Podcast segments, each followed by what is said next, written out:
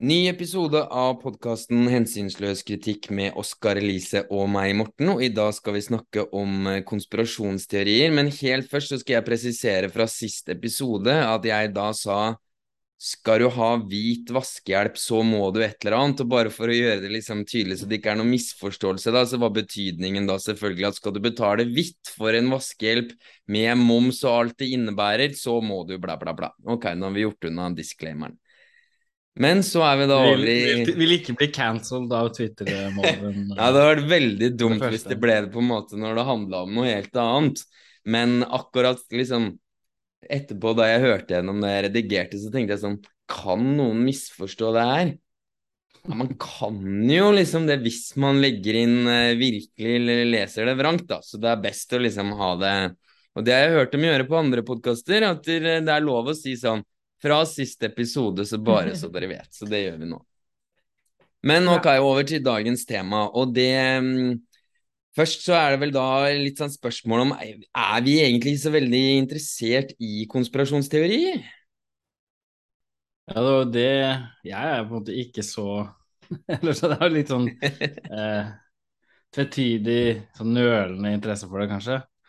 Sånn, det er Problemet med det er at uh, de som er veldig interessert i konspirasjonsteorier, er sånn politiske sentrister. Sånn moderate typer som tror at verden ville vært bra om det ikke var for at liksom, det fins dumme folk som tror på konspirasjonsteorier, for å si det litt sånn, da. Og det er jo på en måte bare tull, ikke sant? Og så er det mye bruk av ordet konspirasjonsteori for å, for å delegitimere eh, meninger som faller utafor det som er, eh, blir sagt av utenriksdepartementene i forskjellige stater. da. Sånn alle kriger uh, går når, du, når, du, starter en krig, så er det ganske mye løgner i forkant av alle mulige sånt. Og, og uh, det, da slenges det begreper rundt omkring. Sånn at det er liksom ikke helt Det er litt sånn Det er litt sånn Ja. ja, det ligger et eller annet det ligger litt et eller annet der, siden det dukker opp, eh, det dukker opp stadig vekk og blir brukt i kontekster eh, der hvor man liksom helst kanskje vil vurdere, eh, diskutere saken og sånn. som det er vel det er vel kanskje en av grunnene til at det har vært å ta det opp, er at man blir litt sånn tvunget til å forholde seg til det fenomenet fordi at det er en Um, det er såpass hyppig ofte. Nå også må jeg legge til helt i starten her at nå sitter vi på to forskjellige steder. Så for de som eh, legger merke til at lyden er annerledes og eventuell forsinkelse, så er det da at noen har valgt å flytte. Uh, ja, bare sånn greit hvis de syns det høres rart ut. For her sånn kommer det til å være framover. Det er ikke noe Ja. Jeg vil tro at det kanskje har blitt bedre, lyden. Sånn uh... Forhåpentligvis. Håper det. Men jeg tenker jo at det egentlig er litt sånn motsatt, nettopp pga. det han Oskar sa, så syns jeg jo at nettopp det med konspirasjonsteorier er litt interessant. For det er jo masse snakk om det. Og det har blitt veldig sånn eh, aktuelt med vaksine, stegene, mange USA Altså sånn veldig relevant. Men derfor blir jeg også litt sånn usikker. Jeg merker jeg blir litt sånn hva er egentlig en konspirasjonsteori? Hva betyr det egentlig? Alt det blir litt vagt for meg. Så jeg syns egentlig det er litt interessant å diskutere det litt. Jeg vet ikke, var jeg var liten, så så jeg på sånn History Channel, og det var de, de, dokumentarene som gikk på History Channel, var ganske ville greier. Det handla om sånn romvesenene bygde pyramidene, og, og liksom sånn Månelandingen skjedde ikke egentlig, og det var ganske sånn ja, da ble du drilla i de i, i sånne konspirasjonsteorier, som var ganske gøy da. Det var liksom, nesten litt sånn uskyldig og morsomt, på en måte, men nå har det blitt litt mer real. Ja. Ja, nei, det, det mm, Jeg tror jeg kanskje da er den som er minst eh, minst fascinert der, som foreløpig, altså. Og ja, det Men um, men jeg er interessert i hvordan begrepet blir brukt i, i, i, samtalen, liksom, i debatter. Men vi får gå litt mer inn i kjøttet, kanskje, og så Ja. For hva vi altså, syns om ting, er jo egentlig ikke kanskje så interessant i seg selv før det Før vi kommer med noen argumenter. Vi er jo en argumentativ podkast, kanskje. Altså, det er for det, men min tank, diskusjon med meg selv har jo vært litt sånn at uh, konspirasjonsteori sånn, Kan man bruke det eh, med tanke på den diskrediterende bruken av det? At ja. Er det egentlig et seriøst begrep? Hva er egentlig da? Og i, i sånn arbeiderbevegelsens historie, man har jo aldri snakka om konspirasjonsteori, man har snakka om andre ting som kanskje berører noen av de samme tinga, men konspirasjonsteori er en ny greie. Yeah. skal man liksom slenge seg på den eh, farsotten, da. Og kalle andre for at det de driver med, konspirasjonsteori, liksom? Ja, ikke sant. Ja. Er det bare eh, Er det greit, eller ikke greit? Og, ja. Men jeg kommer liksom litt fram til at det er litt greit, da. Eh, fordi det er noe jeg vil si Jeg kan komme inn på noen eksempler, men, men sånn eh, det, det, er klart at det skjer ting. Alle er på en måte enige om at det, det, det finnes konspirasjoner. Det finnes noen, legger, noen, folk som legger hemmelige planer som du prøver å gjøre noe ut av. Eh, det er greit nok. Men... Kan jeg bare spørre sånn før du begynner, er det sånn du vil bare si at det er en konspirasjonsteori? Nei, nei ja, altså En, en konspirasjon er jo på en måte en hemmelig plan som eh, noen har bestemt seg for å gjennomføre. Ja. Og det er greit. Det, det kan, har jo vi, og det har jo mange. Eh, sånn at eh, alle gode organisasjoner er det. I siste episode med, så var vi jo enige om at man skulle legge sine planer åpent fram, eller hva det er formuleringa i manifestet er, og at vi nettopp var sånn ikke var en sånn der eh, hemmelig klubb. Men ja. ja. ja men i, i, hvert fall så ja. Så det finnes jo i hvert fall noen sånne klubber da, her rundt omkring. Så det er ikke det som Hvis du tror på det, så er det i og for seg ikke det Det gjør deg vel ikke til konspirasjonsteoretiker. Så det er vel noe litt mer og, eh, og um, jeg vil si sånn Det fins jo, ikke sant Når man leser litt rundt på, eh, på internett, så, så fins det jo faktisk eh, politiske grupperinger som har veldig sånn paranoide fantasier omtrent om at alt som, mer eller mindre alt som skjer i verden, og alle store hendelser, det er nøyaktig regissert av en sånn liten elite i verden. Mm. En internasjonal maktelite eller et eller annet sånt noe, som sitter der, og de får uh, sånne ting til å skje. Koronakrisa er det jo uh, en del som mener det, er, det var jo ikke noe det var jo ingenting. Det, var, det er bare den gruppen som liksom fikk det til å skje, for at de ønska å innføre eh, the nye The New World Order, en verdensregjering via Verdens helseorganisasjon eller et eller annet. Sånn at da er du jo inne i en sånn Da er det ikke bare snakk om at det finnes en annen konspirasjon, men du har et verdensbilde som dreier seg rundt at det finnes en mikroskopisk klikk av eh, noen ek ekstremt mektige personer som dikterer hva som skjer i verden. Ja. De, og de, de, klarer det, og de gjør det, liksom. Ja. Og, og, jeg mener, den forestillingen eh, trenger et navn. Og konspirasjonsteori er i og for seg ikke et så verst navn, da. Den er veldig beslekta med, med, populister, den, da. Eh, på sett og vis. Ikke sant. Populisme med voluntarisme. Altså, ja. eldre begrepp hva betyr det? Ja, Det er jo et sånt begrep som ja, det er jo liksom mer sånn eh, marxistiske tradisjoner. Det er et begrep som vi har slengt mot hverandre i hundrevis av år, som man kanskje heller bør bruke, da. Men det handler mer om at liksom, du tror at historien det er det mennesker Det er liksom det viljeshandlinger fra ulike mennesker uh, får til å skje, på en måte. Det er, det er, det er, det er liksom individer ja. som, som, driver historien, og du har ikke noe forståelse for de underliggende økonomiske mekanismene, mm -hmm. som er det som egentlig er marxismen. Da. Vi er jo opptatt av de, ja. og ikke bare at det er in mektige individer som får ting til å skje, på en måte. Det er jo blant annet han August Blanki er vel liksom sånn samtidig med Marx er vel ofte liksom putta i den boksen der, da, som mm. sier det at liksom jeg tror jeg har sitert han en eller annen gang på at der, i møte med væpnede arbeidere så er det ingenting som kan stoppe dem. altså et eller annet sånt, Hvis de bare har bestemt seg for å gjøre det, så får de det til, liksom. Det det står på, er viljen til den gruppen. Ja. Og de var også litt sånn der at vi, ok, da planlegger vi litt på sida her, og så de som har peiling på blanke, ville kommet med masse motvendinger mot det jeg sier nå, da, men jeg tror vi liksom sånn kortversjonen av han er at der, opp mot Marx at han blir satt i den der boksen om at der, det det står på, er viljen.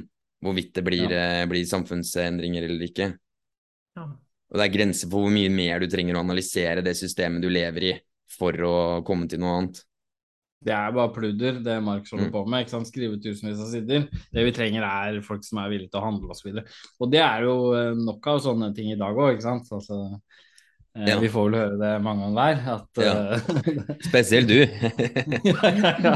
At du må slutte med de greiene her. Du må jo komme deg på demo. Ja.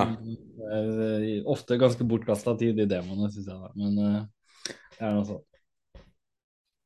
Ja, det, den har jeg fått òg. Nei. Nei. altså, hold dere bort fra demonstrasjoner og sitt hjemme og les og gjør noe fornuftig med livet deres. Herregud.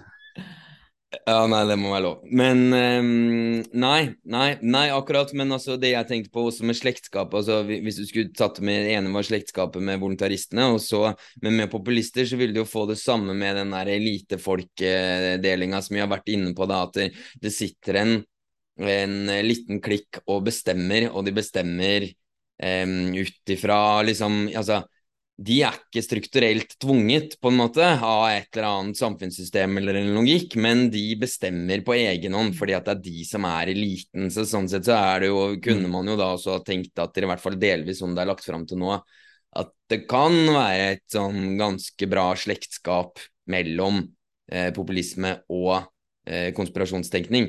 Eh, selv om mm. de populistene ikke trenger å si at den eliten eh, legger skjulte planer, og det er det som er grunnen til at eh, ting skjer i verden. Ja. ja. Konspirasjonsteorier blir vel kanskje å ta det liksom et hakk videre, da. på en måte. For det er ikke ja, bare får, liksom, ja. en elite, men det er òg mer hemmelige planer og forvrenging av sannhet og ikke sant. Og ofte kanskje sånn mot vitenskapen, ikke sant? at du ikke tror på vitenskap og ja. Mm. mm. Ja, absolutt. Men, det er, men nettopp det er det der slektskapet med populismen at, at for, eh, fra et populistisk ståsted så er problemet med samfunnet at det finnes det er, Samfunnet er i og for seg godt, det fungerer bra. Det er liksom, det er sunt, men det, det er noen bilder som har festa seg der. Noen, som, noen verkebyller på samfunnskroppen. Og Hvis vi bare får skjært av de ikke sant? i snylterne og forpestet eh, eh, politikerklassen og et eller annet sånt noe, eh, eliten, hvis du bare får, får de bort, så, så, er samfunnet sunt og godt som det egentlig er. Mens, uh, mens en sånn mer sånn marxistisk perspektiv, det er jo det samfunnsforholdene som ligger til grunn, og ikke disse individene som uh, plager det. Så der vil jeg si, der er jo nettopp den samme strukturen i, i en populistisk uh, og, en, og en sånn konspirasjonsteoretisk måte å se verden på. Ja, og egentlig også altså nesten de andre tinga vi har hatt podcaster om òg altså finanskapital og monopol. Jeg kommer kanskje tilbake til det, men det er sånn, det her er jo, det konsoliderer jo nesten alle de tinga vi har snakka om og kritisert. Eh, og hvis du er en god konspirasjonsteoretiker, så har du stort sett samla alle de, da. Mm, men det med den forskjellen med det skjult og åpent, så så Nå husker ikke jeg en av de tingene vi så på på forhånd, men der ble det jo beskrevet det at konspirasjonsteorier var ofte noe man tydde til hvis man var avmektig. At man ville på en måte ha en eller annen forklaring på hvorfor ting skjedde, og samtidig følte man at man satt i en situasjon der man ikke kunne gjøre noe med det. Altså Populistene er jo eh, de, er, de, vil se vel delvis på seg som allmektige, i hvert fall sånn hvis de tror at det alltid må finnes en elite, men problemet er eliten. Men der er det også samtidig liksom en sånn vilje til en slags organisering og nye krav, og vi må gjøre noe, bla, bla, bla, bla. bla. Så den befinner seg jo fortsatt i det politiske. Eh, helt klart, ikke sant? Altså Selv om det politiske er løsrevet fra det økonomiske, så er det i hvert fall på det politiske. Men går du langt nok ut i den konspirasjonstenkninga, så er det på en måte det eneste eh, eneste du kan gjøre, er å oppdage de tinga som er skjult, men du får liksom ikke gjort så mye med det, for det er jo en allmektig klikk som sitter der og legger disse skjulte planene, var i hvert fall en påstand i den artikkelen. Og det er, det er noe som gir en viss mening i det. at det, det, det, skjer masse hendelser som er forferdelige for mennesker, og det er først etterpå at du kan finne ut hva som egentlig var grunnen til at det skjedde. Og det viser seg hele tiden at du kan ikke liksom Du vet ikke på forhånd, stort sett, eller det er i hvert fall vanskelig å få gjort noe med det på forhånd, men du har en sånn slags formening eller en forklaring på hvorfor Hvorfor skjer alle disse dumme tinga i, i, livet mitt, eh, liksom. Og det er den eneste sånn um, Ja, det eneste du får ut av det, men du får ikke noe mer, noe politikk mer enn det. Mm. Som jeg syns virka sånn delvis plausibelt, i hvert fall. Ja. En ting jeg kunne, som kan gi oss litt sånn kjøtt på beina å jobbe med, er jo litt sånn tenkt å se på én konspirasjonsteori som er av nyere dato. Um, populær i Ja, rykende fersk og veldig populær. Som, som jeg har fulgt litt med på, uavhengig av her, eh, at vi skulle spille inn denne poden.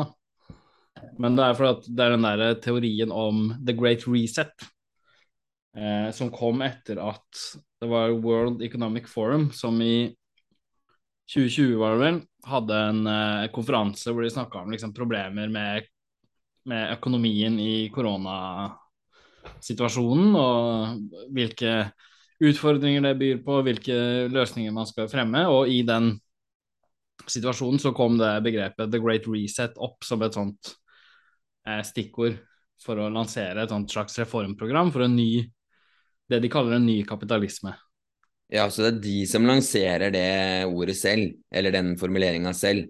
World Economic altså, Forum.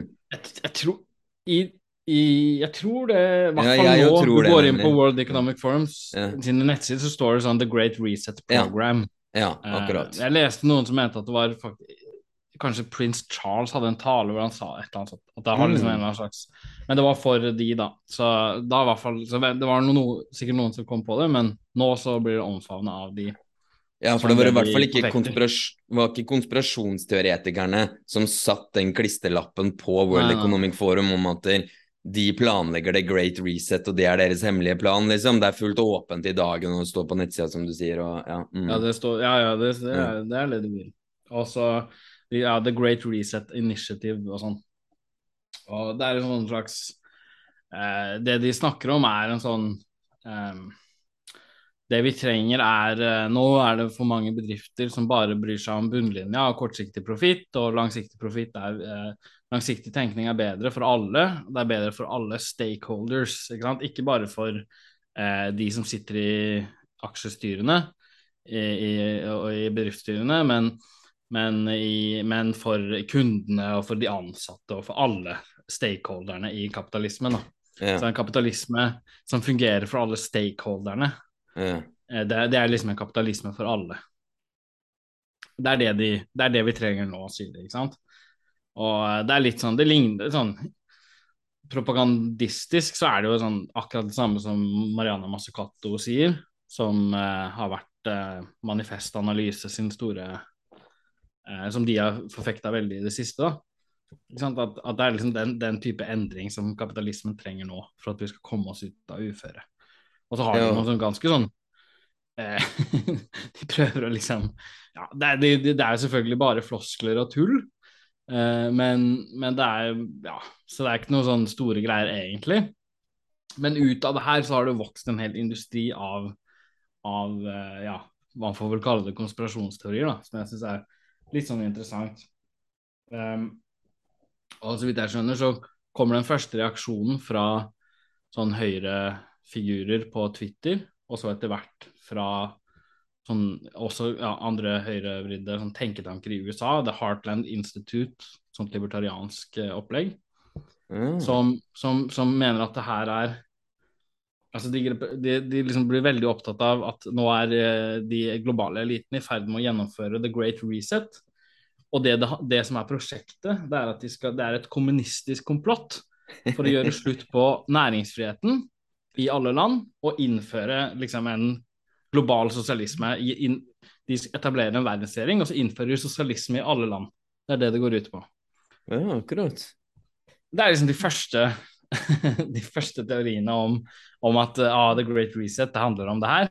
Det er liksom sånn Å, nå kommer kommunisten og tar oss-type greier, da. Ganske Det var ikke verst. Det er fra å gå fra liksom Economic Forum. Ja, ja. så, ja det var ikke verst. så ja, spenstige saker, da.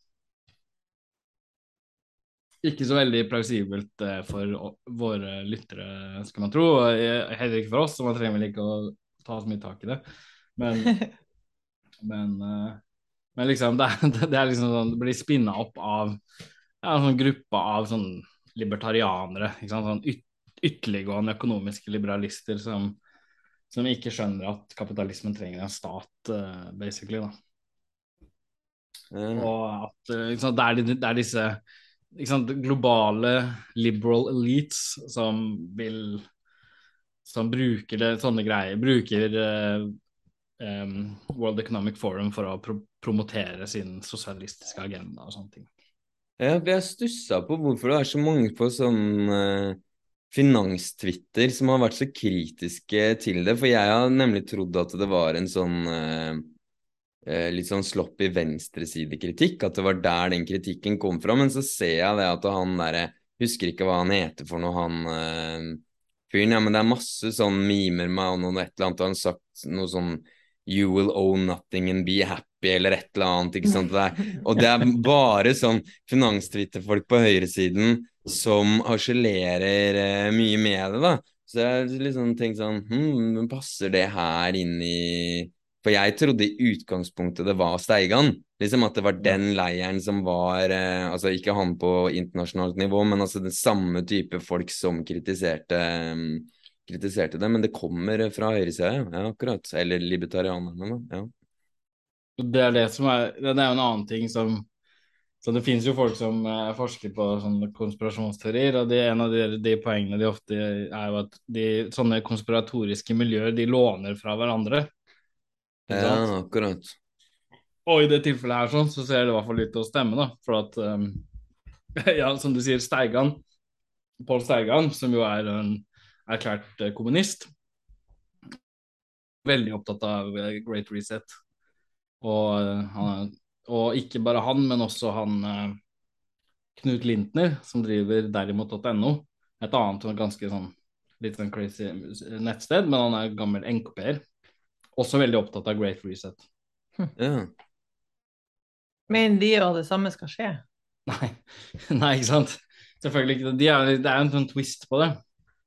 For da er det ikke at Det er, de det, er det, om, det, er det mer omvendt, selvfølgelig. At, at de, Great Reset er dekke for de globale elitene som ja, Det er det samme opplegget i og for seg. De skal opprette en verdensregjering gjennom det her. De skal knuse alle nasjonalstater og opprette en, en world government. Ehm, men, å, men, men, men, poenget er at det her er kapitalistene som liksom skal gripe, ta makta sjøl, sier Pål Steigan. Eh, særlig. Han er veldig opptatt av det at liksom nå kapitalistene de, de, ser, de har mista troa på staten, eller noe sånt, særlig nasjonalstaten. Så de sette, den skal de bare sette helt til side, og så skal de ta kontrollen sjøl, sier han. Eh, og Det er liksom det det går ut på feil sitat. Altså, ja, de Jeg har ja. Nå må du, når du leser, må du inn i mikken, uh, hørte jeg. Oh, ja, ja. ja, ja, nei, du trenger bare du, er, bare du ikke er foran mikken når du snakker, tror jeg. Skjønner du hva jeg mener? At Hvis du bare tar opp papiret, så går det bra. Men hvis du er sånn her sånn ja, Ok, um, Pål Steigan, da. De ultrarike fører en brå og rut, rutal herregud. Eh, de ultrarike fører en rå og brutal klassekamp for å legge hele verden under seg i enda høyere grad enn de har klart til nå. Planen er å feie nasjonalstaten over ende og sjøl ta den direkte styringa. Det er liksom yes. Steigan sin vri på det. Eh, og det er The Great Reset inngår her, og koronakrisa er en episode i det spillet som skal få det her til å skje. Som de har regissert, selvfølgelig. da. Det er jo ikke noe ekte helsekrise. Det høres jo på en måte ut som en film. Ja, det er litt sånn Tom Cruise, uh, ikke sant. Noe sånn opplegg, da. Det man helst ville sett, er jo hva de skulle gjort med det etterpå. Det er jo det som er Altså, når de først har tatt den kontrollen, hva, hva, ja, hva gjør de da? Ja, hva gjør de da, liksom? Hva er det de oppnår da, når de ikke har de statene som legger begrensningene på dem? Altså, hvor hva er det endgame her-type. Eh, Men eh, For da ville jeg trodd at det stoppa opp litt. Ja, er ikke det det som er et lite kjennetegn med konspirasjonsteorier, at de ofte er litt sånn motsigende? Ja.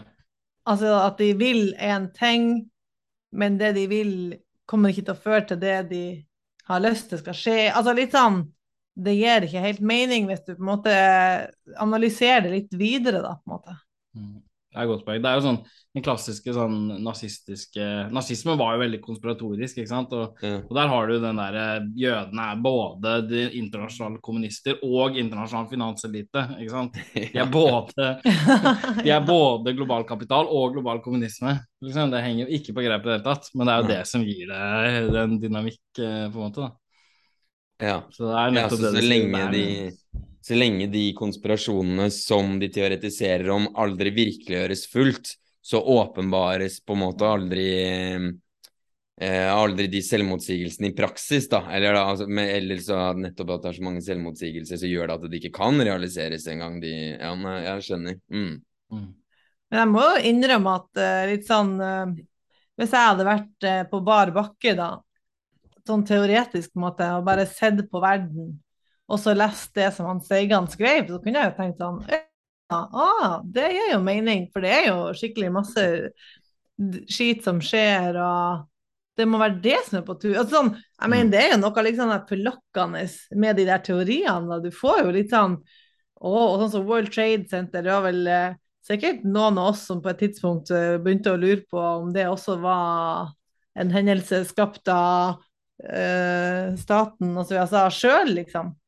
Sånn at det er jo noe man, man begynner jo å lure litt. Så det er jo liksom noe som tiltrekker deg de der teoriene. Ja, i hvert fall hvis du tar sånn Jeg vet ikke om, om akkurat uh, World Trade Center, det hadde ikke jeg helt sånn uh, dilla på, men det, det, skjedde jo i hvert fall noe etter det der med med Libya, nei, Irak-krigen, den første runda med Irak-krigen, når, når, alle kjøpte liksom det der med masseødeleggelsesvåpen, og så viste det seg at det var en fabrikkert historie som var årsaken for å gå til krig.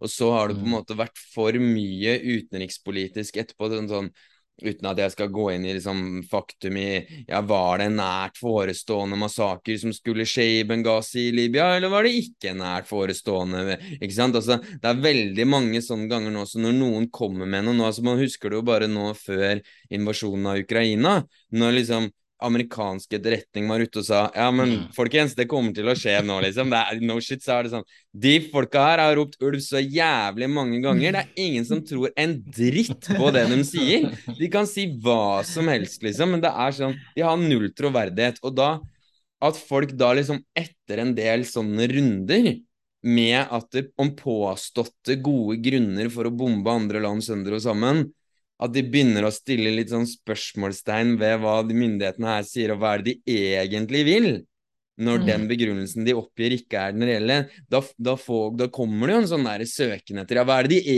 egentlig vil, hvorfor gjør de egentlig dette for det de forteller til oss? Det er bare noe som skal få oss til å akseptere grusomhet for å forhindre en påstått verre grusomhet.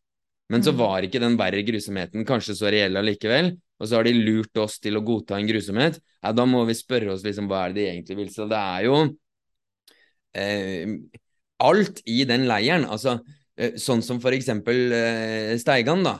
Det at han har alle de konspirasjonsteoriene som er på en måte større og, og um, mer utpå viddene, er jo ikke nødvendigvis til hinder for at han kan være en av de sterkeste uh, og repeterende kritikerne av f.eks. Libya. Og hvor mye mm. Hvor dårlig rolle både norsk presse og politikere spilte der osv. osv. Det er nesten en ting som styrker hans posisjon, at det faktisk har Det er jo noen ganger der hvor det har vært eh, Der hvor det har båret galt av sted, da, tross alt.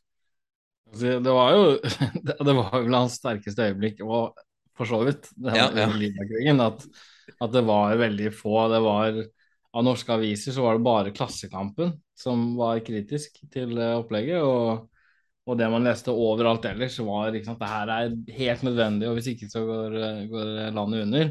Og så ser man etterpå, og det er jo en Hele livet er eh, ruinert, og det er, de, de, står og selger slaver på torget på, på torg og sånt noe, så det er liksom, de har gjeninnført slaveriet.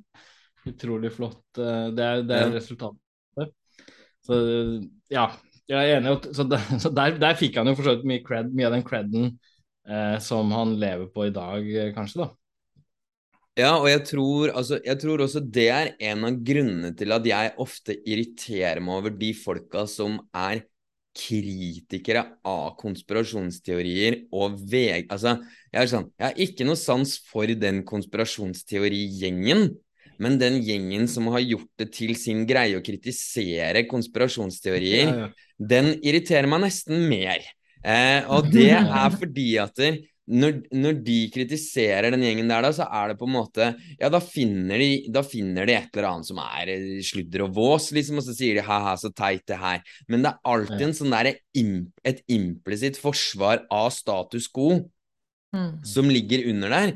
Og det hvis man, hva, er det, hva, måte, hva har vært den beste måten å fjerne den markedsandelen til Steigan på? Jo, ja, det, hvis du hadde hatt en sånn gjennomgående kritisk presse eller en offentlighet i Norge som var i stand til å liksom, diskutere økonomi og utenriks på en seriøs måte altså, Norge er jo veldig sånn konsensusorientert på nesten alle store økonomiske spørsmål og på utenrikspolitikk.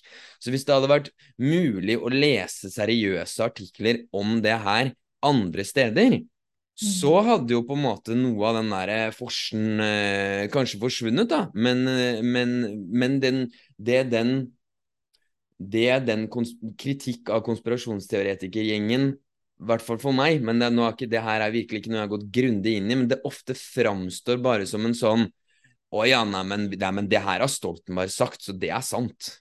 Mm. Ja. Ja, nei, men vi må høre på han, for han er fornuftig. Se på de gærningene der, de tror på hva som helst. Ja. Så det er, og det er noe, som du sier, og det er sånn de, og man vier livet sitt til å plukke fra hverandre. ikke sant, Alle mulige sånne rare ting som, som egentlig ikke betyr Altså sånn rare forestillinger om månelanding og forskjellige greier som sånn er Jorda er flat, liksom. Ja, jorda er flat. Altså. Liksom. Det, det, er så billig. Eller på en måte så er det sånn at du oppnår ingenting. Det er, det er, enkle mål, og du kan slå deg opp på det der. Det er, man må jo argumentere ok, Hvis det finnes mange mennesker som tror at jorda er flat, så må man jo argumentere for at den er rund. da, Greit nok. Men, men det er litt sånn uh, tre, Det er mål som er ufarlige å ta, på en eller annen måte. Det er det som irriterer meg litt. At det er så, det er så lettvint. ikke sant? Det er ingen av de du mm. treffer som har noe makt, som er noe motstandsdyktige. Og det, og det du gjør, du livnærer deg på en sånn Du slår ned liksom de skrullingene på internett-type greie, da. Mm. Ja, og så eh. setter du samtidig liksom de som driver med kritikk av norsk utenrikspolitikk um, uten et stort apparat i ryggen, i samme bås med de som tror at jorda er flat. Og ja. i samme bås med de som er sånn litt i begge leire-type, altså kanskje Steigan, da. Så de, de, har på en måte De klarer å få skapt en sånn der assosiasjon, syns ofte jeg i hvert fall, det er mitt inntrykk, at det å, å, det å være kritisk til en offisiell linje som er lagt liksom på lederplass i de store avisene og til regjeringa i Norge, det er litt beslekta med konspirasjonstenkning. Og da, og den, resten av den der kritisera av noen tror at jorda er flat, og noen tror ditt, og noen tror datt, det er på en måte noe du bruker for å vise hvor idiot du er hvis du er konspirasjonsteoretiker. Og da jo flere du liksom får assosiert over der, jo bedre får du liksom nøytralisert kritikken av hva det nå enn er som er, eh, er linja, da. Ja. Nei, jeg er ikke Jeg er liksom, jeg har liksom samme impuls der, men det er også, der er også det du kommer liksom tilbake til at OK, men, men så, som Steigan nå mener, da. Nei, da mener jeg faktisk at der finnes det en bitte liten gjeng som ingen vet hvem er, som regisserer koronakrisa og uh, World Economic Forum og alt mulig med en sånn grand master plan som de, de er i ferd med å få det til òg. Så um, Og det må man jo det må man jo faktisk ta, for at det er politisk eh, forkvakla. Det fører, fører til eh, Altså, jeg vet ikke. Ja, det, det, er jo en diskusjon for seg sjøl, egentlig, hva slags politikk det fører til. Men jeg tror ikke det er noe bra. Nei, nei men det, det, er helt sant. Det er helt sant. Så derfor så må man på en måte ta den kritikken mot det, men fra en, uh, fra en annen side. Ja. Fra en marxistisk uh, vinkel, og ikke fra en sånn liberal, sentristisk, uh, platt vinkel.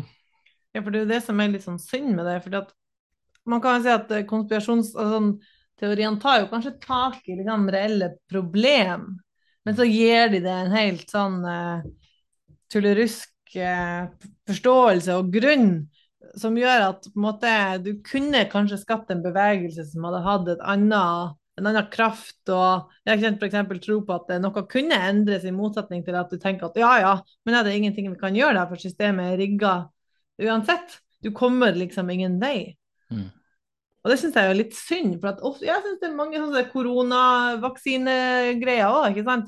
Det er sikkert mange og tiltakene som de skulle innføre, og det er sikkert mange interessante debatter man kunne hatt rundt i og tilbake i tid og sånn, men det, det, men det blir på en måte ikke tatt på den man skal si, en ordentlig måte, da. Du tar heller en sånn Ja, ikke sant at det er noen folk som står bak, og da får det plutselig Da er det helt ubrukelig, plutselig. Ja. Mens det egentlig hadde vært interessant å diskutere det. Ja, og der finnes det jo faktisk mange jusprofessorer som har en veldig god, uh, god, kritikk, da, ikke sant, som mener at nedstenginga var grunnlovsstridig, og som har den saklige og med de der unntaksfullmakter og hva det er, ikke sant. Um, så ja. der fungerer jo de sånn som at de, de tar bort folk fra den seriøse kritikken kanskje over til For det mm. må jo også sies at det var vel Steigan sitt sånt andre oppsving, eh, kanskje, er vel nettopp det med, med kritikk av koronapolitikken. Der jeg har jo inntrykk av at det har strømma til ganske bra med nye, nye lesere der, mm. men som egentlig kunne ha vært sikkert tilfredsstilt med mye av den ramsalte kritikken som har kommet fra alle de jusprofessorene, for den har jo egentlig vært nådeløs og hard. Mm. mm. men saklig. Mm. Det er i et naivt øyeblikk når for Steigan eh, altså sånn fra hukommelsen Han var jo litt sånn Koronakrisen er regissert av storkapitalen for å ta livet av små og mellomstore bedrifter eh, omtrent. da, og eh, sånn, Han var jo helt der. Så jeg tenkte at når han begynte sånn, at da, da var jo Stan død, ikke sant. At, ja, eh, det, da ryker det nett der, her, liksom. Ja. Det, det, har alle de eh, alle de fellow travelersa rundt om i Rødt og forskjellige sånn, de ryker nå, for at det her er for crazy. Men han er jo større enn noensinne. Ja. Mm.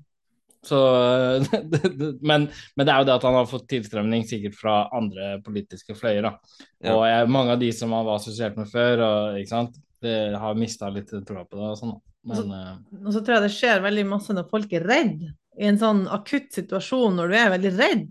For det som skjedde med korona, folk ble veldig redde, og vaksinen kom fort, og folk blir redde, og så blir ikke den frykten liksom tatt på alvor og liksom annonsert og sånn.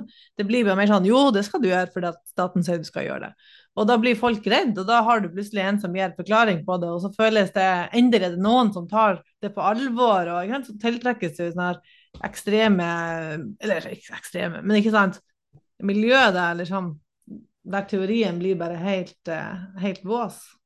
Ja, for én ting er på en måte å si sånn der og akseptere det at Ok, det her var, en, det her var et, eh, et, virus med en viss smittsomhet og en viss eh, dødelighet.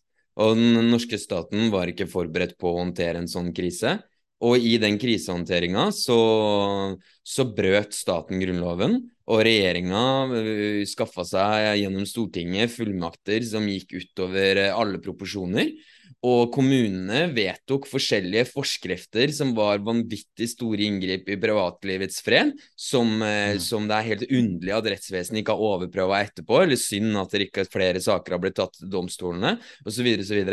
Alt er en helt legitim kritikk, og som man til og med liksom fra sånn klassisk liberalt demokrati, bla, bla, bla, bla, bla, vi må ha maktfordeling, og vi har rettsstat som fungerer, og alle mulige sånne ting som det. Kan, den, den kritikken kan du ha eh, veldig, veldig klar, veldig ramsalt, og holde politikere ansvarlig, osv., osv. Og, så og samtidig tenke gjennom liksom Ja, hvor mye hvor mye tillit er det egentlig grunn til å ha til at lovene skal beskytte oss i den, de gangene hvor staten står i en krisesituasjon? Eller er det faktisk sånn at det, eh, det eneste vernet vi kan basere oss på, er kanskje ikke Grunnloven og lovene? Kanskje at hvis vi står i en krisesituasjon noen gang, mulig at det er en det, det, kan du ha, liksom. Det går fint an å tenke mm. uten å være på siden i det hele tatt. Men og det å gi en sånn sammenhengende fortelling med hele tiden at grunnen til at viruset kom, Det var fordi sånn og sånn og sånn. Grunnen til at vaksinene kom, det var mm. fordi sånn og sånn. Altså at det, Da var det noen små folk som hadde planlagt at hvis vi bare får et virus, så kan vi sørge for at statene gjør det og det, flytte makt til WHO, eller hva det er for noe. Da er det lager den sånn tilleggsfortellingen med en liten gjeng som planlegger alt de tinga her som skjedde. Det er vel kanskje da det begynner mm. å liksom spore litt uh, av, da. Ja. Det er, jo, det er en, en, trist utskeiing, men det er jo i fravær av et i anførselstegn kommunistparti, eller liksom et, et, et, altså en, miljø i en eller annen forstand da, som framfører den kritikken her på en uh, seriøs, uh, proletær måte. Uh, så i fravær av den, så er det tom, et tomrom, og den fylles nå dessverre av, av sånt noe. Ja, for hvis du ser, altså En av mine guilty pleasures er jo kommunistpartiet i Hellas, som er sånn eh, overlevning fra gamle dager. Men av og til så viser de seg jo. 1. mai etter korona, da var jo de, de liksom da var jo de de som best demonstrerte den der inngrepet på organisasjonsfriheten som var da med samlinger og ditt og datt, og hadde en sinnssykt bra, bra markering da, ikke sant, men med avstand og munnbind og hele greiene, men allikevel på en måte synliggjorde en god del av den kriket, altså, um, problemene her med inngrep og organisasjonsfrihet på en relativt god måte, vil jeg se. Jeg har, uh, si, jeg har til og med hørt at det var anarkister som tenkte at det, til, akkurat det her var faktisk ganske fett å se på. Det her var disiplinert og bra, liksom. Um, men ja, det, du har nok sikkert rett, altså, at i manko på en, en, um, en, annen seriøs kritikk, så plutselig så blir det en sånn historiefortelling om, um, om mektige eliter. Det er jo også litt sånn For Steigan har jo mista mye cred, men ikke så mye pga. korona, kanskje. Ja, kanskje litt pga. korona, men, men det kom jo Ukraina-krigen.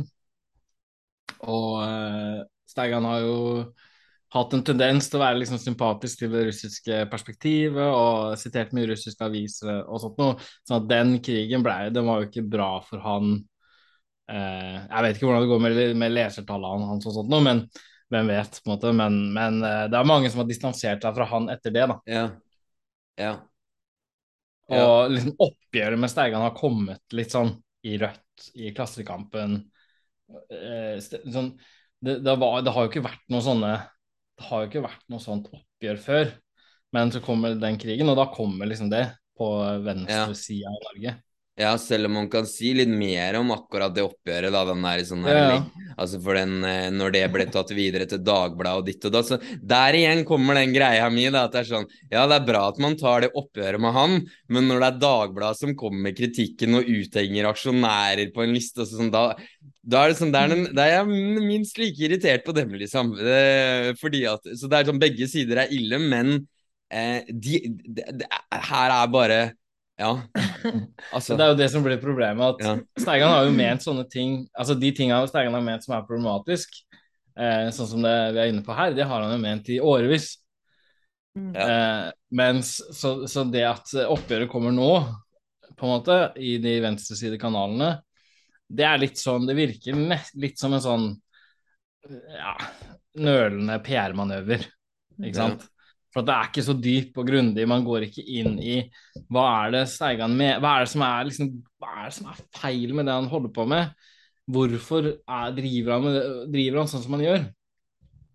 Den liksom, grundigheten her For hvis den grundigheten hadde vært der i utgangspunktet, så hadde oppgjøret kommet tidligere. Det er det samme mitt poeng, at liksom, da hadde det vært der for lengst. Det har ikke vært noe behov å ta den nå. For han hadde for lengst liksom, eh, sagt det man mener om han. Mm. Eh, men, men, det kom, det kom jo ikke, og det kommer heller ikke nå. For at, sånn at man liksom tar ja, det er sånn, ja, Han er eh, for eh, godtroende til russisk propaganda, bla, bla, bla. Så han er helt sånn ute av det gode selskap. Ja, okay. men, ja, men det er nettopp men, det når den kritikken er så grunn at sånn, han har brukt russiske kilder, så er det sånn Ja, men det ja. i seg selv, det å ha brukt russiske kilder, er, det er ikke noe Ingenting ja, ja. som er diskvalifiserende for det i seg selv, ikke sant. Men jeg føler kanskje at jeg spolerte litt den oppbygninga som du hadde med The Great Reset, eller er du nå på, på de grunnleggende problemene her, altså sånn tendensen i i, ja. i Stegan? Ja.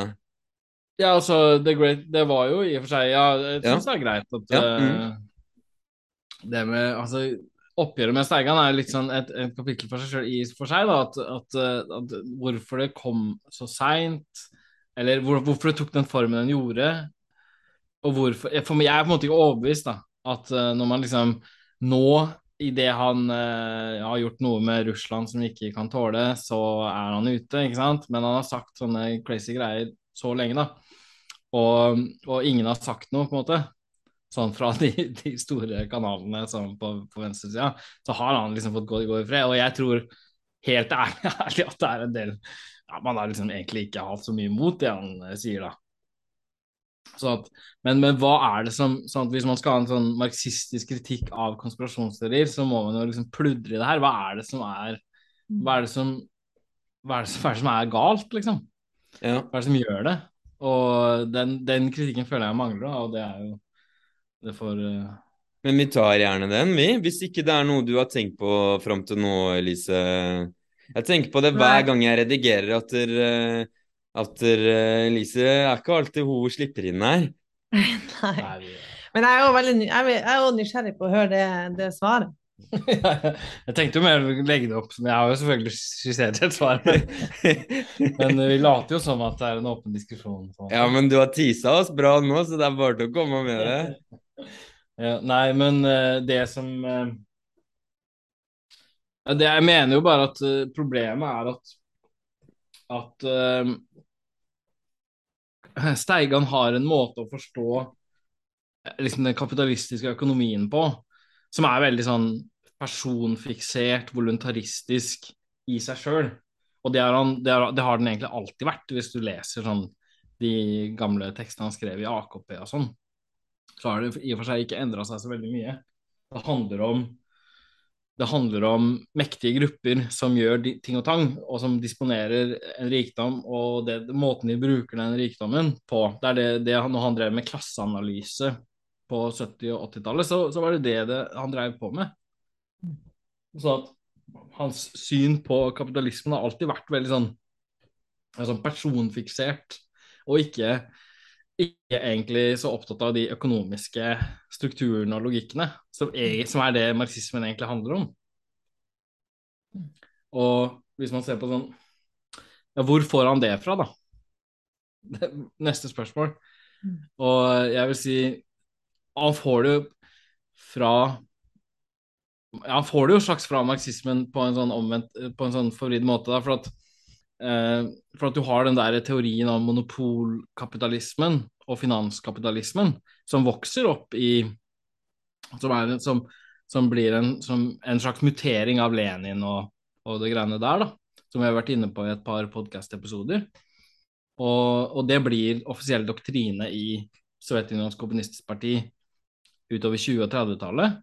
Og det er jo nettopp at det handler jo nettopp mye om det at, at, eh, økonomien Nå er det ikke lenger de økonomiske mekanismene som betyr noe, det er de store monopolene som dikterer hva som skjer rundt omkring i økonomiene. ikke sant? De dikterer prisene, og de dikterer ditt og datt. Det er monopolkapitalen som gjør sånn og sånn. Eh, og når vi hadde den episoden om monopolkapitalisme, så siterte jeg jo Grace Blakely, som er en sånn eh, ja, sånn kvasi Altså sånn eh, Ja, hun står i den tradisjonen der. Og hun, hennes ord var, uttrykk var at ja, den internasjonale økonomien er styrt av en liten elitekabal. Prisene osv. Alt mulig styres av konkurser. Liksom alt styres av den lille kabalen av mektige mennesker. da.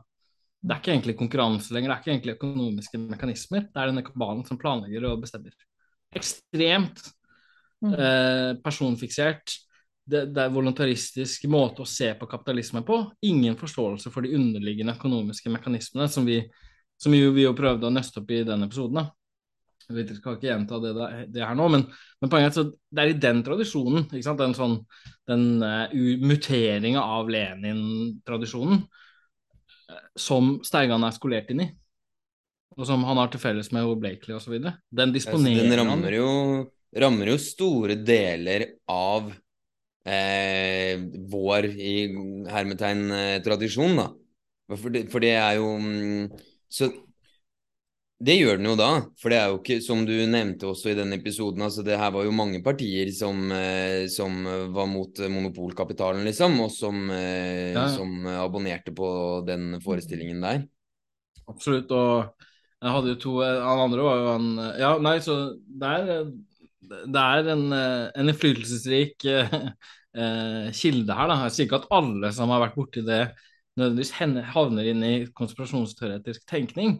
Men, men, det som burde være den marxistiske barrieren mot konspirasjonsteoretisk tenkning, er det der at Det er jo det at eh, det som er kjernepoenget i marxismen, er at liksom overklassen de veit jo ikke hva de holder på med. altså, de, er det noe du må skjønne som marxist, så er det at faen, overklassen de skjønner jo ingenting. De, de, har ikke peiling på hva de holder på med, og den utviklinga som de er involvert i, den foregår bak deres rygg. og de har ingen sånn grand masterplan som de klarer å realisere. For at kapitalismen er sånn at, at, eh, at de, de, økonomiske logikkene som den defineres av, den realiserer seg uansett hva de skjønner og vil, og de skjønner stort sett ikke det, det som pågår. Så du kan ikke, Hvis du begynner å forestille deg at alt resultatene av de, den økonomiske prosessen er noe som en gruppe har planlagt og sett for seg, så er du liksom, da er du e-, egentlig ikke med på den marxistiske økonomiforståelsen. Men men den økonomiforståelsen ble liksom veldig skada av de teoriene om finans- og monopolkapital som ble populære utover 2030-tallet, og som ble spredt til alle kommunistpartier og alle sånne miljøer. Så liksom, og, og, og, i fravær av det, så har du ikke en barriere. Nei. Og da kan sånne gode marxister som Pål Steigan osv. sitte og si at jeg har lært uh, av Lenin sånn sånn, og nå mener jeg at ikke sant? her er det Illuminati mm. som kontrollerer verden. Og han skjønner ikke hva som er galt med det. Nei. Ikke i det hele tatt. Og tvert imot så er han blitt disponert for den måten å tenke på av den uh, tradisjonen han har vært med i. Ja. Så at liksom en oppgjør med Det er det jeg mener, faktisk at liksom den kritikken av sånn uh, ortodoks marxist-leninisme, da, som vi har vært gjennom i et par episoder, det er faktisk en del av denne jobben her. For der, er, der, der, var det noe som svikta i systemforståelsen av kapitalismen, som pensla dem over på en veldig sånn personfiksering, og som gjør at du kan ende opp sånn som Steigan har gjort, da. Man ser jo til og med sånn Jeg har til og med vært med på sånn type skolering i Røtta, f.eks., der du blir lært at Eller det er jo noen som lærer at ja, nyliberalismen ble på en måte funnet på av fire menn eh, på et møte i Paris, og eh, liksom Montpellerin. Ja liksom eh, bak de fire veggene, så planla de det, og, og så skjedde det. Altså sånn, Litt den der tanken om at det, det, var de fire som planlagde, og derfor så kan vi endre det, for det var bestemt, på en måte. Og det gjør jo at du blir helt løsrevet fra tanken om at dette er et eh, liksom naturlig dynamikk, som ikke er så veldig lett å bare bestemme seg for å gjøre noe med, sånn uten videre, da. Mm. Ja. Det er, um, det er fristende å komme med en sånn bitte liten digresjon som er relatert her nå, men jeg har sett de siste par dagene, så ja, nå spiller vi inn det her i midten av august eller noe, så ser jeg det er en hel haug med briter som holder på med en sånn der enough is enough-kampanje. Jeg tror de lanserte den for to-tre dager siden eller noe sånn. Fagforeningsfolk og Labour-folk og ditt, og ditt og datt. Spredt seg ganske fort, og jeg tipper at når vi slipper den her om en måned, så er det da er det en av de store greiene, liksom. For det virker som en veldig gjennomtenkt kampanje med liksom vanlige folk og fornuftige krav og ditt og datt. Altså sånn klassisk reformistisk program. Men så ser jeg at det, det som irriterer meg med det, er for Det minner veldig om den første valgkampanjen til, til eh, Corbyn. Da han, eh, ikke sant, han gikk bort fra den, der, den, van, altså den sosialdemokratiske Norge der hvor alle skal med, til, til vi mot dem-greia. Så han hadde en sånn der populistisk greie, men det var i hvert fall det var i hvert fall brakt inn en motsetning igjen, selv om den Oskar ville jo da sagt at det er en Schmidt-motsetning uh, som vi ikke kan Men uansett, da. Men han, den, den, den, kampanjen var jo veldig, veldig vellykka. Og jeg tror at den her òg kommer til å bli det. Men så ser jeg at de har lagt inn sånn derre Dare Greed. Altså de har et annet sånn derre uh, bla, bla, bla hour, og så kanskje det er need ja. eller noe som slutter på det, da. Og så Dare Greed. For å få det. Og, at, og, da har de tatt det inn, og det er Men og da, det er nesten så jeg burde liksom lure på er det fordi at For jeg har jo skrevet eh, personfokuserte artikler selv òg, og vet at når jeg har gjort det, så da går det mye bedre. Når du har personlige rikinger, så er det sånn hvis du skal få noe til å, å, å få fyr i det, liksom, så er det når du finner et eksempel på noe de har sagt som retter seg mot vanlige lønnsarbeidere, ditt og datt og sånn, da er det mulig å få fyr i teltet, liksom. Og så kan du komme med de andre tinga etterpå som du vil at folk skal få med seg, men den vinklinga på det der er mye lettere enn eh, en sånn derre eh, Altså, ikke sant Kapitalismens logikk, eh, bla, bla, bla, bla, bla, bla, bla. Du veit det liksom når du sitter og skriver artikkelen at ok, det her kan gå. Altså, det her kan, det her kan liksom få ben å gå på. Mens når du skriver noe som du tror er teori, så er det sånn ja, det er noe det blir, det blir, ikke så mange som ser på det, men det kan jo hende at det er et par stykker som syns det er fint, liksom. At, at man blir liksom veldig lokka inn i den der mm. personen når man skal drive med massekommunikasjon på et eller annet vis, da. Altså som for å mm. forklare liksom Ja, hvorfor går partiene inn i eh, Altså, Hvorfor gjør de det her på 20- og 30-tallet? da? Hvorfor går de inn i å, å, å drive med den, den formen for teori? Ja. Jeg har du noe svar på det? Uh, nei, altså er, Akkurat de teoriene der er, eh, er det jo Ja, det er, det det er et eh, lengre greie, men, men, ja. men, jeg tror du er inne på noe at liksom jeg, jeg ser, merker også det at når du skriver en, liksom, en teoretisk fin og skikkelig artikkel om, om, om, om, systemlogikken og bla, bla, bla, sånn, eh, så du føler at ok, det her ville Altså, ja, da må god, du treffe en bølge. Gunther Sandleben ville ha godkjent det her. Så tenker jeg ok, men, men, Og det er ikke nødvendigvis Du får ikke 1000 klikk på Facebook av den, da. Så, og, og, og, den der at massekommunikasjon men, jeg, men, men på en måte men så vil jeg motstå det likevel, da, for at sant, folk er liksom fornuftige. Sånn, ja. Det der med at liksom, den derre syndebukkgreiene mot milliardærer og rikfolk òg, at liksom, det er de som står, ba, står til grunn at altså, liksom Det at det er litt overfladisk og, og plumpt, ikke sant? Ja. Rich-bashing eh, sammen en sånn substitutt for Klassekamp. Altså, det får man jo folk med på. Mm.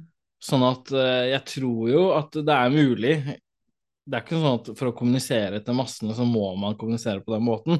Og, og tvert imot så tror jeg liksom at man, Men det er jo noe med å, å, å, dyrke et Eller å kultivere, sånn som i et parti, ikke sant.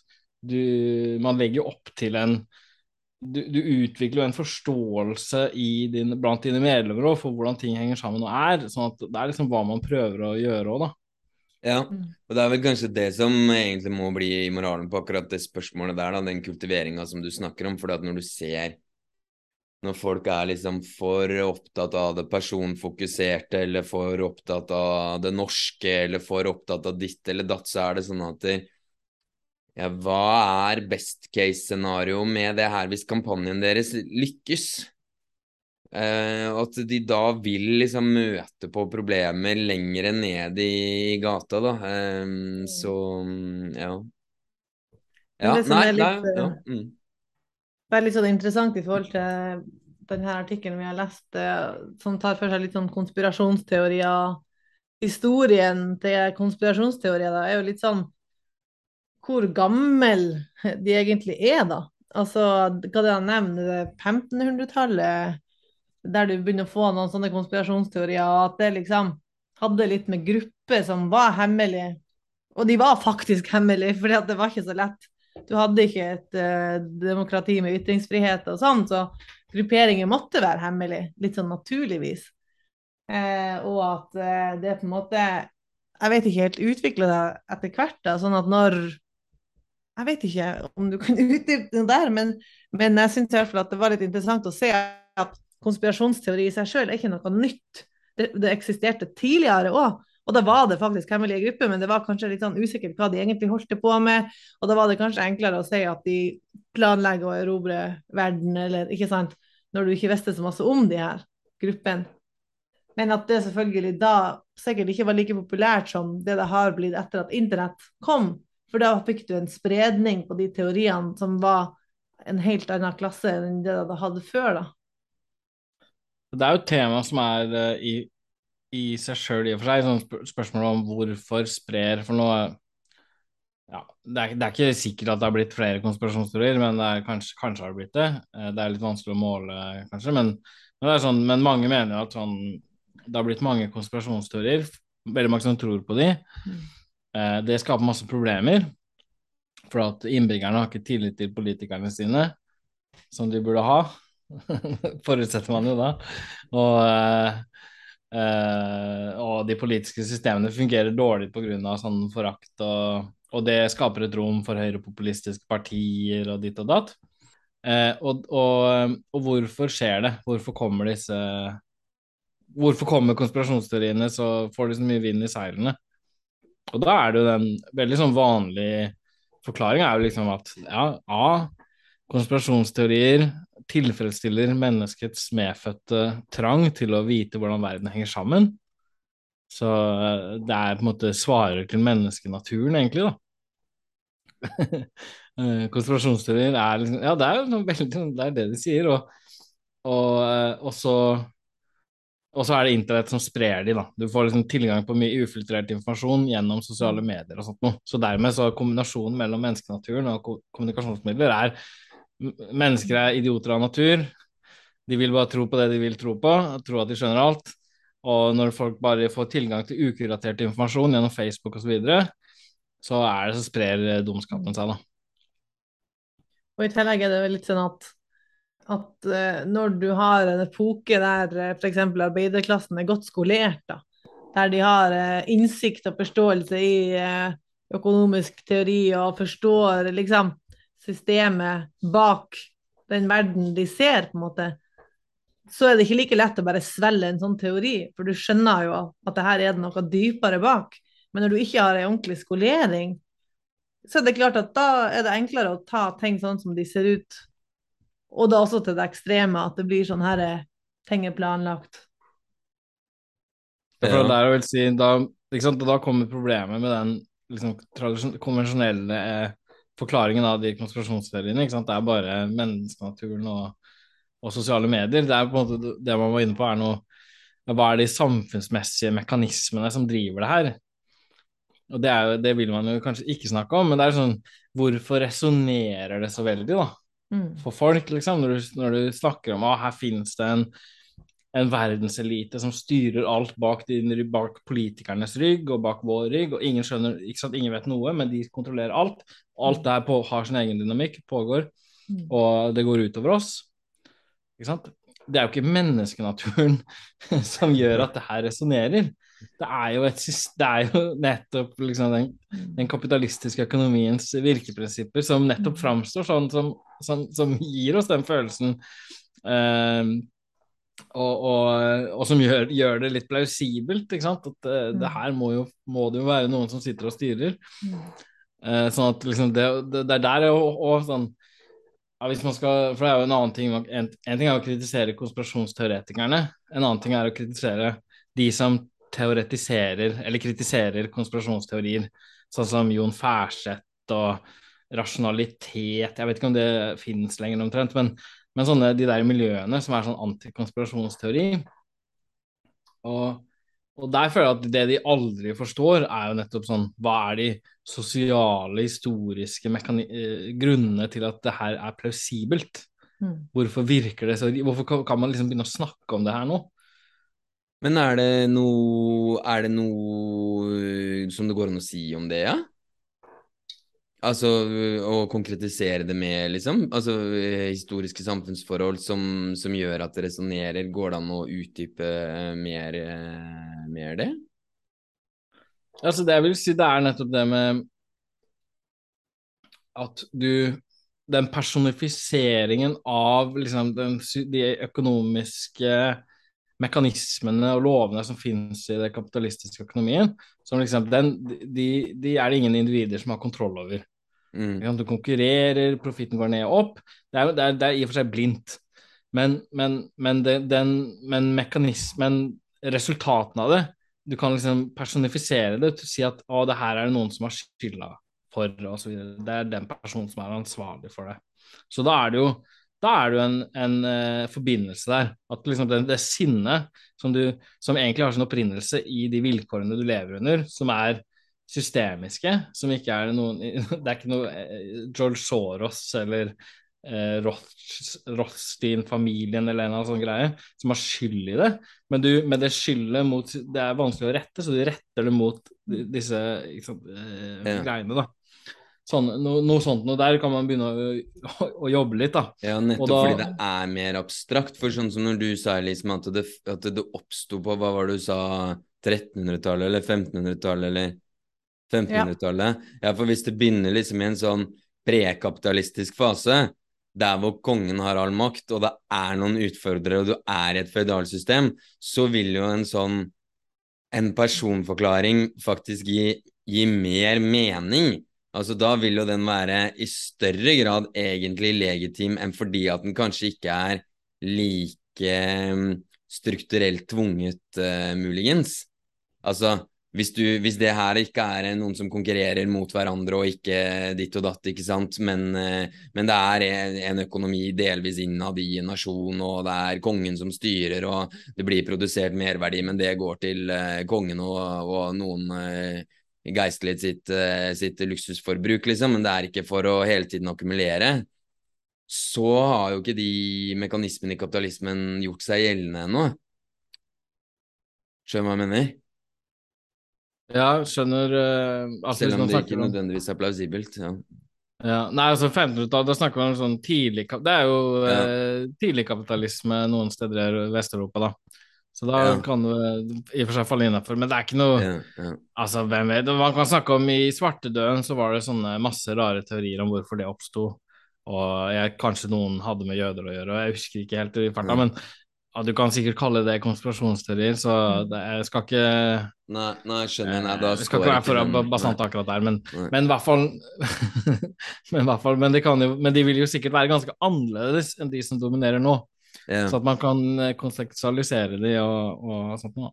Og problemet i dag òg er jo at folk eh, skal jo tjene penger på det de eh, på sitt daglige virke, da. Sånn at det er klart at, eh, og det tror jeg jo man merka hvis man leser Steigan f.eks., at han ble mer og mer ekstrem, for det var det som ga klikk òg, på et vis. Eh, når du eh, hausa opp under ja, personkonflikter og at innvandrerne var De skulle starte en krig og Ikke sant? Han, det er klart at det blir penger av det. At folk eh, trykker på det. Og samme USA, den her eh, egen industrien med den her koronavaksina og vaksinemotstandere. Det er jo en hel bedrift. En hel eh, masse folk som tjener masse masse penger ikke sant, på det. Så det er jo et liksom, dilemma at det blir jo en egen industri nesten å produsere sånne her ting. Mm. Da blir det jo, Og når du da har internett i tillegg, folk har sine egne podkaster, folk har sine egne nettsider, YouTube-kanaler, hva som helst. Det får jo på en måte, det sklir på en helt annen måte. Men i den artikkelen så prøvde han vel liksom å si noe om at han, var, han hadde ikke så mye tiltro til den der internetthypotesen som måtte var det som skulle være eh, utslagsgivende, men mer noe sånn derre eh, maktesløshet eh, mm følelse, liksom, at der, så, Måten å få makt i sitt eget liv på var å vite hva som skjedde, var liksom sånn jeg konkluderte med det. At hvis du, hvis, hvis du følte at du visste hva som skjedde, så hadde du i hvert fall kontroll over det. Og da når du ikke fikk tilgang til det som egentlig skjedde, liksom, så ble det disse teoriene her som i hvert fall du kunne eh, gi mening til det på en eller annen vis, eller lage en historie. Mm. Mm. Det var jo en, kan si, vi har av, vi bare leste en artikkel for å varme opp til den podkasten ja. som var skrevet av en sånn eh, kommunistgruppering som heter Aufheben, om eh, konspirasjonsteorier. Da. Og deres eh, poeng er vel at det er liksom det er, Ja, det er, det er, i perioder med mye klassekamp, hvor du har mobiliserte arbeidere og folk som En bevegelse som, som, er i sving, og vi får til noe, så er det ikke egentlig eh, da har ikke konspirasjonsteorier så mye eh, vind i seilene. Mm. Men etterpå, når, når bevegelsen er smadra, og man sitter her som atomoserte individer og ser på at verden går til helvete, da, da, da begynner du å klikke inn på den der Illuminati-artikkelen. Mm. For da ser det sånn ut. det her er ting det ikke går an å endre, det er noen jævler som sitter og planlegger alt. Ja. Jeg vet ikke. Det var i hvert fall litt interessant. Og, og, og, de personene jeg kjenner som har vært, kjenner til, som er liksom Ja, de har tilhørt kommunistiske grupperinger, men jeg sitter nå og pludrer med konspirasjonsteorier. Det er jo han, han Knut, Lind, eh, Knut Lintner og eh, Pål Steigan, da, som er to eksemplene fra i dag. Og begge, det er jo ikke, det, jo, det her er jo liksom post partidagene deres, så de er ikke med i den bevegelsen lenger. Uh, sånn at det er noe der Jeg tror det er noe der. Um, ja. For en, et politisk parti, et masseparti, et sosialdemokratisk masseparti i gamle dager, kunne ikke holde på med sånne greier, ikke sant? Nei, men da blir det jo igjen et sånt skille mellom Altså sånn du snakka i stad om den eh, Hvor tidlig må man ta tak i tendensen som kan lede ut til at du blir konspirasjonsteoretiker, da, med å ha sånn personifiserte forklaringer som veldig mange egentlig har eh, eh, stilt seg bak, også partier, da, på en måte. Mm. Så eh, det er jo Det er jo en annen ting at man kan si Altså, hvor går grensa for hva som er konspirasjonsteori ikke? da, Sånn som Elise var inne og, og haka på de nyliberalismeteoriene, som er veldig populære på norsk venstreside. At de er, egentlig har liksom strukturen til en konspirasjonsteori. Ja. Og det er jo helt rett. For de mener jo egentlig det, at liksom verden var fin og flott. Og så kommer det disse nyliberalistene som på 70- 80-tallet får makta, og så ødelegger de alt. ikke sant? Mm. Jeg tror det er, det er, jo sånn det blir fortalt. Og, mm.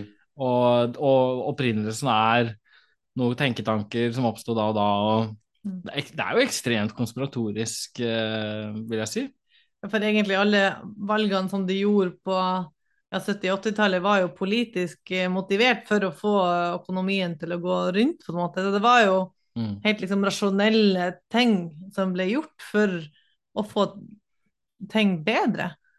Så det er klart å se tilbake styre, på det. Styre økonomidepartementet, liksom, for å få mm. budsjettet til å gå opp i, en, mm. i staten. Ja, og det er jo det som er interessant. sånn, I alle vestlige stater rundt 70, 73 til 80, sånn, så kommer det et sånt omslag som er mot noe som man kaller nyliberalisme. Da, og, og, det som har blitt populært, er jo en sånn nyliberalisme-teori om det. At, at, det som gjorde det, var at ideene til Friedrich Hayek, til Ludvig von Mises, til sånne liberalister, de hadde oppstått på 30-tallet, og så hadde de vokst og vokst og vokst, og vokst, og så plutselig så tok de over. Mm. Og på grunn av at noen hadde organisert en sånn tenketankbevegelse som klarte å erobre de departementer og mm. banker osv. Det er jo en konspirasjonsteori, nesten. Yeah. Og det er ekstremt sånn men, men, men, det er jo ikke det som Det er jo ikke sant, ikke sant? Det er jo ikke det som skjedde. Det er jo Altså, det er jo økonomiske realiteter som er helt annerledes enn da, og så er det en styringslogikk i staten som, som slår seg ut i en, eh, reformprogrammer som er ganske like overalt. Ja. Det var jo Ja, så, så der òg er det jo sånn Men og hvis man skal gå så hardt, da, og, og, og på en måte si ok, konspirasjonsteorier er et problem, men hva er en konspirasjonsteori? Hva er det venstresida går rundt og mener som egentlig er litt sånn i den gata der, da. Og der burde man egentlig begynne å pludre, da. For det er liksom vi var inne på at sånn Det er nettopp Hvis motgiften til konspirasjonsteori er en sånn god, godt utvikla forståelse av logikken i det kapitalistiske systemet, så er vi jo i en situasjon hvor den ikke er egentlig godt utvikla, og hvor, hvor, det som er det som figurerer som forklaring på hendelser, nettopp er sånne ja, komplotter og planer. Mm. Det er bra vi ikke har det her som den første episoden.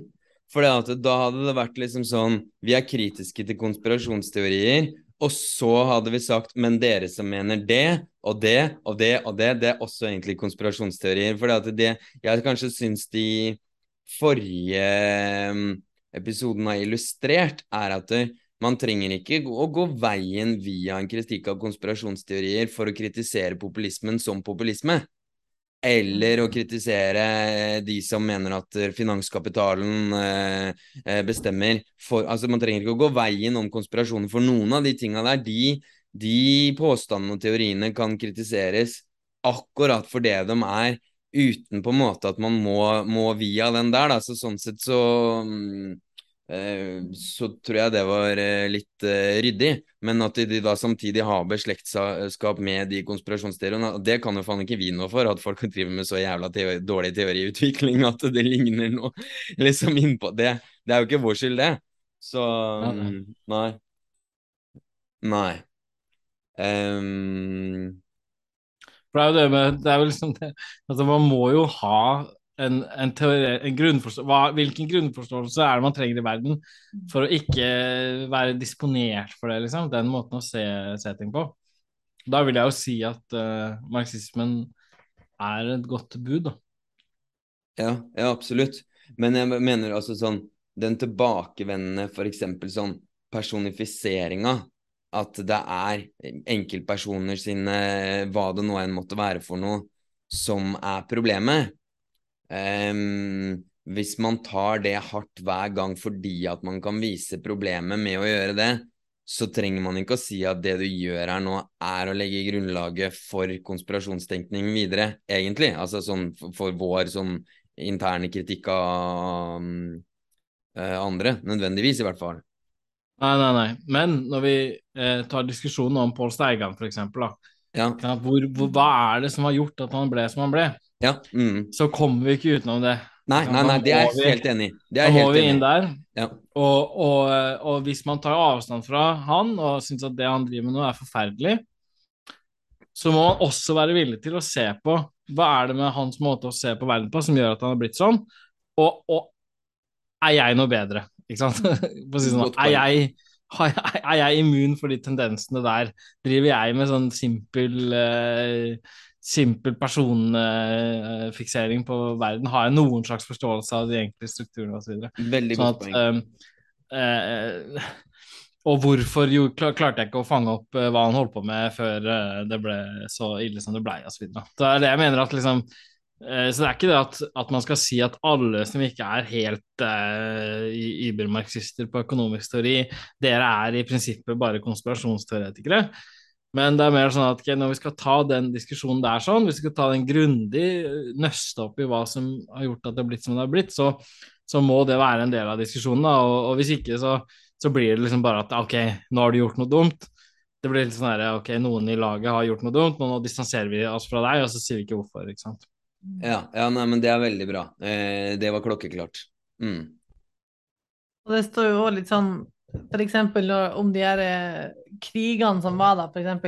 Irak-krigen, og så, så eh, skrev de jo denne artikkelen litt om eh, liksom fredsinitiativet, hvor sterkt det sto før de krigene, uh, før Irak-krigen begynte. Fredsinitiativet var kjempesterkt, og masse, masse, masse millioner folk gikk i demonstrasjoner over hele verden Altså, de var veldig politisk våken og demonstrerte mot det som var på tur å skje. Og, eh, og så skrev han litt sånn og, og, da skjønte de jo at det som var grunnen for de krigene, var på en måte politikk. Det var politiske valg, ikke sant. Fordi at uh, land har uh, økonomiske interesser på et annet nivå som vi kanskje ikke ser da, i det daglige.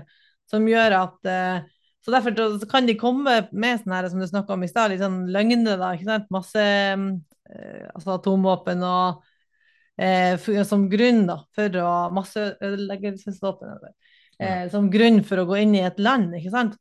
Og da har du jo på en måte et annet perspektiv på det enn hvis du da i ettertid sier sånn OK, nei, men det her er planlagt på toppen eh, pga. å ta over hele verden. Altså sånn, For det er jo noen grunner der som gjør at land tar sånne valg, men det er jo vel masse mer interessant å gå inn på det og se på de istedenfor å ta det på det overfladiske nivået, da.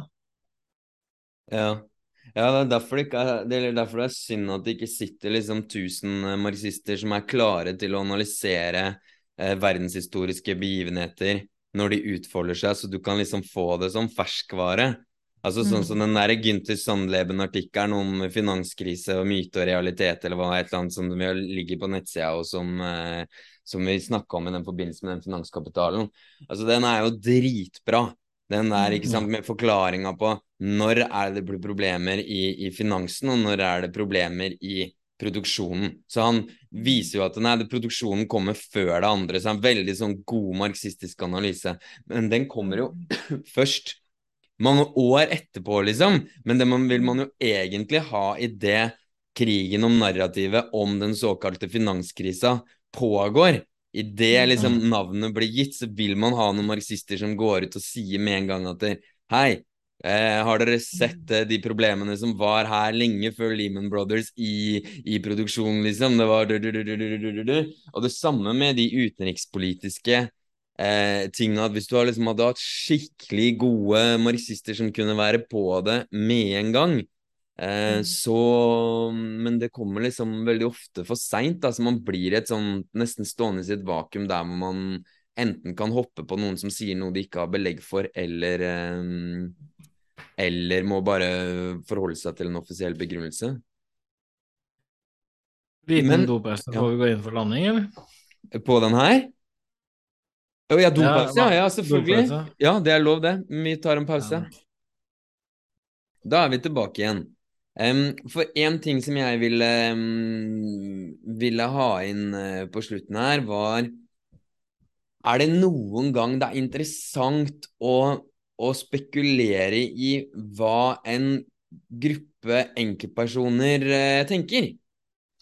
For hvis jeg skulle Hvis jeg skulle skilte for meg selv, så ville jeg sagt sånn at ja, det er Det er, det er strukturell tvang i, i kapitalismen som eh, tvinger lønnsarbeiderne til å selge seg selv som arbeidere, og som tvinger kapitalistene til å konkurrere, osv. Videre, så, videre. så som en forklaring på systemet, så har ikke de enkeltpersonene De kan jeg klare meg uten.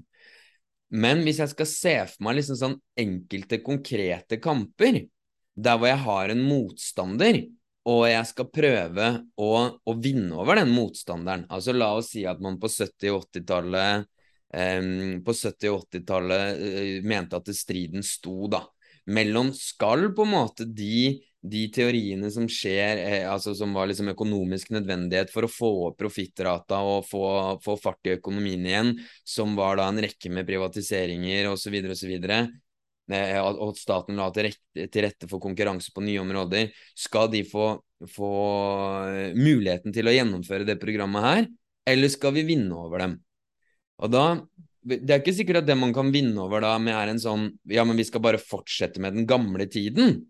Der hvor vi skal ha en, en sånn um, Vekstratene skal være like høye som de var før, og ditt og datt. Men hvis vi på en måte eh, tror at det er mulig med et, et klasseløst samfunn, så vil det jo være vil det være av og til så vil det jo være muligheter for at man skal bekjempe motstanderen, eh, på en måte, eller altså at man skal vinne. Og ikke bare si sånn at ja, men må du gjøre det for å få profittrata, så må du gjøre det for å få profittrata. Og i, enten om den kampen er en stor eller en liten kamp, så er det jo ikke noe tvil om da at det å, det å ha en formening om hva motstanderen gjør, Eh, det, er ganske, det er jo ganske bra, sånn som i den, den Lenin sin brev fra det fjerne. Så jeg driver jo og leser inn tekster. For dem som hører på som ikke har oppdaga Marx og Lenin på norsk, så er det en podkast, det òg. Og den første teksten der er brev fra det fjerne, det første brevet der. Og da snakker han om revolusjonen i, i 1905. Og så sier han, og fram til 1907 eller hva det er for noe, om hvor viktig de, de, de forsøka der var, selv om det mislyktes. Fordi at da ble man kjent med aktørene. Altså Alle aktørene visste hvem hverandre var. man visste, Det var akkurat som det var en scene som utspilte seg. og Man kjente på en måte filmen. Så når tiden kom igjen i 1917, så var man klar over hva man hadde med å gjøre. Og og det, det, tror jeg er riktig, da. Altså, sånn som f.eks. når de skulle nøytralisere røde brigader i, i, i, i Italia på 80-tallet. Så det at det ble iscenesatt uh, satt eksplosjoner som, uh, som, de fikk skylda for, så man kunne massearrestere hundrevis av kommunister og bare bure dem inne for det. Ikke sant? De tingene der skjedde jo da. Så i visse stridssituasjoner så eh, vil jo jeg tenke at eh, det er absolutt nyttig å vite hva disse enkeltpersonene har, har tenkt til. Alle mulige triks der hvor de også bryter med systemlogikken. Altså, jeg tror jeg, poenget, jeg vil ikke si at poenget er at man skal abstrahere bort fra menneskelig vilje og intensjoner. At det er ikke det som er eh, Det kan ikke være poenget, for at vi er mennesker. Så vi må ta høyde Vi må jo ta det innom Hvis vi har en verdensforståelse som ikke forstår det, så har vi problemer. Men jeg mener bare at hvis du tror at liksom verden som sådan og den, de, alle, alle, de store hendelsene som skjer, og bevegelsene, økonomien, alt er diktert av en liksom, liten gruppe mennesker, deres viljer, da er du liksom inni en, en forståelse som er så dypt eh, Han er feilaktig for det første og umarxistisk for det andre. Ja. Sånn at det er liksom én ting, men det betyr jo ikke at, at, svaret på det er at ok, vi skal kultivere en, en, eh, et verdenssyn hvor bare menneskelige intensjoner og, og viljer ikke inngår i det. Det er ikke noe Nei. vi bryr oss om, på en måte. Det, det, tror jeg ikke er uh, det er, det er poenget at den men, men, det er heller at man forstår forstår de Altså et, et, et individ f.eks. i en økonomisk sammenheng opererer innenfor en kontekst, og til og med en statsleder eller en altså Uansett hvor, hvilken, så det er jo liksom betingelser du beveger deg inn, innafor og gjennom. Sånn at eh, det er ikke noe galt i å analysere intensjonene til den personen, men du må ha en forståelse for betingelsene den opererer under, og ikke, ikke, ikke bli forvirra til å tro at den kan skape betingelser etter eget vilje, etter sin egen vilje, omtrent. da. Ja, ja, ja veldig presist. Sånn som, mm. så, ja, det, det, der, det er der problemet oppstår. Um, og, men det er jo ikke det at man, man ikke Altså nei, nei. Man, man, må, man, må, ha koll på hva sikkerhetspolitiet tror og mener, og hva statsministeren kanskje tror, til og med. Og, altså, kanskje særlig, eller hva militærledelsen og offiserene mener, det er jo veldig relevant i ethvert land. Sånn at det, vi, vi, må jo ha liksom, blikk for det, da, men Sånn som Klassekampen hadde den artikkelen sin om at 80 av, av lederne i norske forsvaret stemmer Høyre. Det er jo en interessant, en interessant statistikk. Vi skal ikke si noe fra eller til, nei, men, nei, nei, men det er jo interessant å vite. den uh, det mest interessante synes jeg med den saken der, var Klassekampens fokus. For det, det, det, ble nemlig ikke nevnt med et ord.